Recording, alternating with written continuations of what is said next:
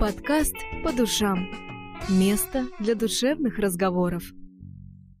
Здравствуйте, с вами подкаст по душам. Меня зовут Катрин Шейн, я нутрициолог и тренер по здоровью. И мы с вами продолжаем говорить о здоровье и здоровом образе жизни. С чего начинать снижение веса? Как быстро не потерять мотивацию? Как достичь долгосрочного результата? Извечные вопросы худеющих. Поговорим сегодня с вами о том, с чего же стоит начинать грамотное и безопасное для вашего здоровья снижение веса. Снижение веса — это один из самых неоднозначных вопросов в современном мире и, пожалуй, самый частый запрос на различных ресурсах. И каждый человек хоть раз в жизни, но задавался вопросом о том, как похудеть или как набрать вес. То есть вопросы веса имеют большой знак вопроса. И все прекрасно знают правила. Меньше ешь, больше двигайся, сахар есть плохо, кушать на ночь нельзя. Однако ожирение сегодня стоит в топ-5 заболеваний человечества.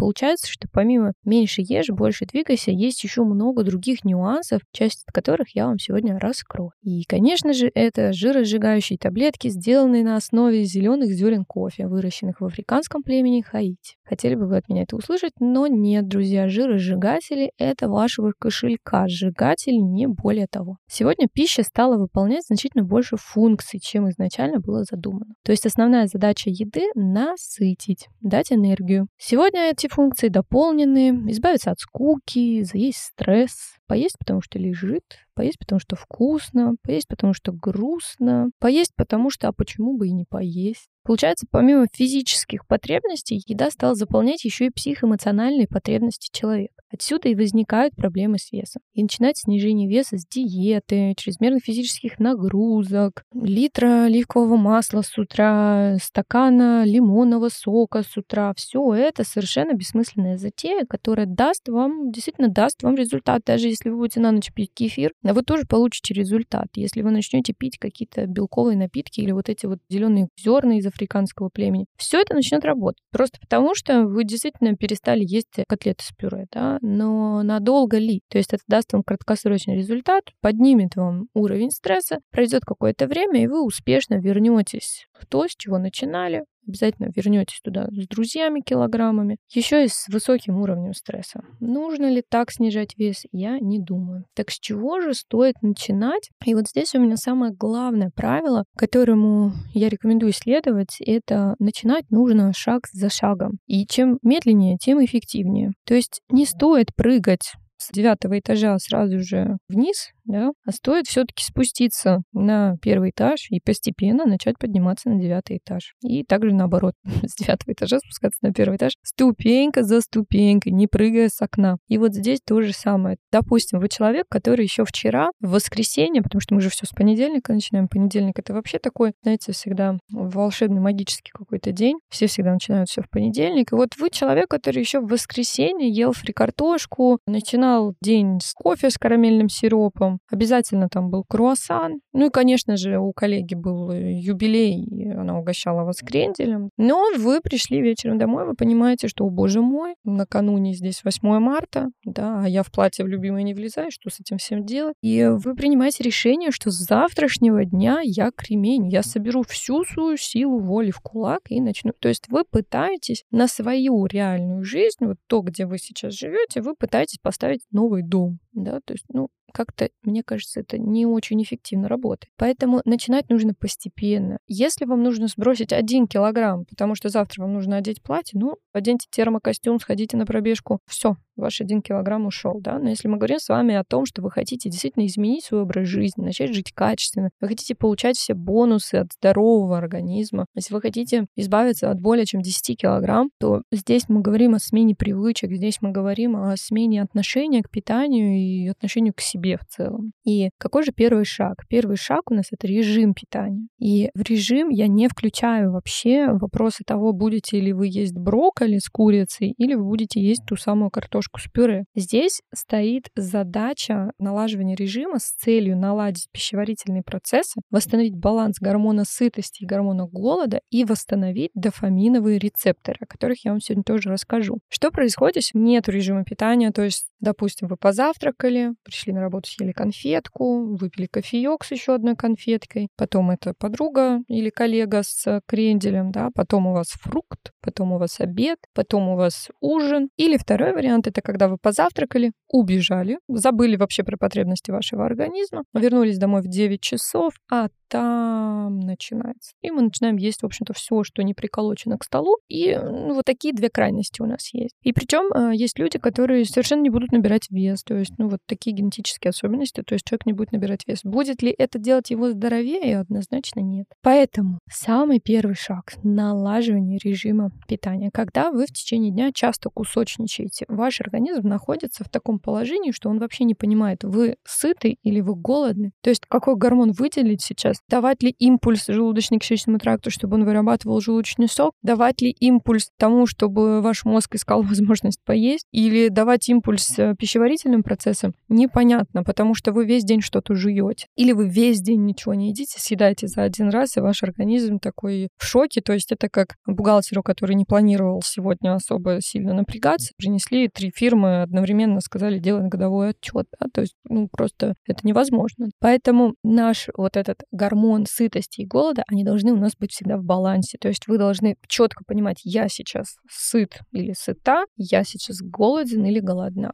И от этого вы отталкиваетесь. Я буду сейчас есть или я сейчас буду заниматься какими-то другими вопросами. Если же вы эти вопросы проскакиваете и едите просто потому, что ну а почему бы не поесть, то, конечно же, здесь гормоны нарушаются, и в конечном итоге, естественно, мы с вами приходим к тому, что у нас есть как минимум полтора лишних килограмма на весах. Значит, на усвоение пищи нашему организму требуется время от 3 до 4 часов. В ночное время требуется минимум 13 часов перерыва. То есть вы делаете интервал от последнего приема пищи до первого приема пищи минимум 13 часов для того, чтобы все было эффективно усвоено и для того, чтобы те гормоны, о которых мы с вами говорили в нашем прошлом подкасте, чтобы они работали у нас эффективно. И исходя из этих цифр, вы можете примерно рассчитать количество приемов пищи и ваши личные временные интервалы. Здесь еще момент в том, что нет какого-то универсального правила, во сколько нужно есть, что нужно есть. То есть каждый человек очень индивидуален. Но я вам сейчас даю такую вводную, то есть базовые цифры, на которые вы опираетесь. Это 13 часов и 4-3 часа между приемами пищи. Но это не значит, что вы должны есть каждые 3 часа или каждые 4 часа. Вы должны есть тогда, когда вы чувствуете физический голод. И организуйте свое питание таким образом, чтобы у вас в течение течение дня было не более трех основных приемов пищи. И максимум вы можете включить один перекус, но, честно говоря, необходимости в этом перекусе совершенно нет, и зависит его наличие только от вашего желания. Таким образом, в течение дня вы держите уровень сахара под контролем, процесс пищеварения у вас происходит максимально эффективно, и заведите себе такое правило. Есть только тогда, когда я чувствую физический голод. Физический голод вы ощущаете на уровне живота.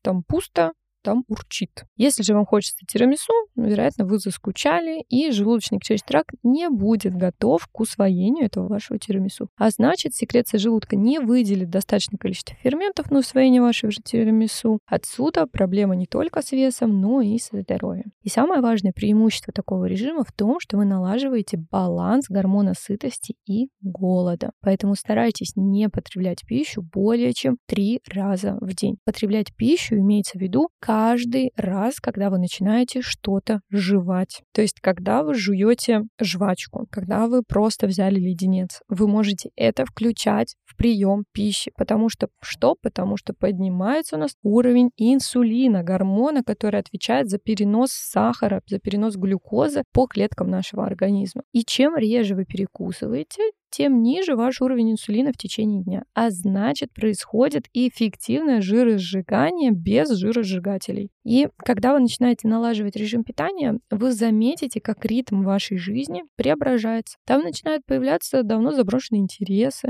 там появляется свободное время, там появляется удовольствие, и появляются какие-то занятия, которые начинают вас наполнять. И связано это с тем, что у вас восстанавливается такой нейромедиатор, как дофамин. Дофамин отвечает за получение получение удовольствия и желание получать это удовольствие. Это так называемое чувство предвкушения. Если же вы постоянно кусочничаете, заедаете стрессы, то ваш мозг автоматически перестает искать другие источники эмоций, кроме еды. Ведь согласитесь, еда — это самый простой, самый доступный способ удовлетворить свою потребность в выработке эндорфинов. И именно эндорфины дают нам ощущение радости и счастья. А за счет постоянно насыщенных вкусовых рецепторов у вас притупляется дофамин, и вы теряете таким образом вкус жизни. И здесь очень успешно на вашем теле накладываются вот эти самые лишние килограммы, которые не дают вам влезть в любимое платье или любимый костюм. Поэтому, друзья, я вам очень рекомендую прислушаться к тому, что начинать снижение веса даже не с вопроса отказа от шоколада и не с вопроса о том, нужно ли пить кофе или можно ли сочетать огурцы с помидорами. Начните с базы. А база — это режим. Если вы начнете обращать внимание на то, как часто вы на самом деле начинаете что-то жевать, вы просто получите ответ на вопрос, откуда у меня лишние килограммы. Я ведь ничего практически не ем. Есть еще очень классный способ, когда вы просто начинаете вести дневник питания. То есть вы буквально записываете все, что вы едите. Вы пишете время и что вы ели. То есть в неделю так будете делать, это поможет вам увидеть реалии того, сколько пищи поступает в ваш организм. И дать вот эти промежутки времени между приемами пищи. Это время, когда ваш организм занимается регенерацией тканей, восстановлением всех ресурсов организма, восстановлением иммунной системы, восстановлением вашего здоровья. Тем самым, когда вы начинаете следовать определенному режиму, и когда вы не едите очень часто, вы приобретаете огромное количество энергии, потому что энергию мы получаем из наших клеток. То есть внутри каждой клетки есть митохондрии, и вот эти митохондрии являются генераторами энергии. И когда мы с вами не едим, у нас идет восстановление всех клеток организма. Тем самым вы помимо того, что вы снижаете вес, вы его снижаете еще на состоянии бодрости, на состоянии энергии. И плюс, конечно же, восстановление дофаминовых рецепторов, они колоссально меняют вашу жизнь. Поэтому избавление от вот этих вредных пищевых привычек в виде постоянных перекусов и в виде вот этого дробного питания. В современных условиях, поймите, человек слишком мало двигается, чтобы есть 5-6 раз в день. Нету у организма потребности в таком количестве еды. Более того, на усвоение такого количества еды уходит огромное количество энергии. А сегодня у нас 90% людей жалуются на хроническую усталость и постоянный стресс. И при таких условиях потребление пищи — это самое последнее, к чему стоит обращаться. Поэтому лишние 30 свободных минут лучше выделить на прогулку прогулку на свежем воздухе или на отдых, чем на пережевывание любимого тирамису или даже полезного салата. Ведь неважно, то есть для организма на самом деле не имеет значения. То есть если вы жуете что-то, там все равно происходят биохимические реакции, и все равно организму нужно работать. Да? Естественно, с полезными продуктами и органичными для нашего организма ему легче работать, чем с Наполеоном. Но так или иначе процессы все равно происходят. Поэтому ограничьте приемы пищи до трех, крайний случай до четырех раз раз, ведите дневник питания и отслеживайте свое состояние физического голода. Тогда вы увидите, как вам становится легче снижать вес.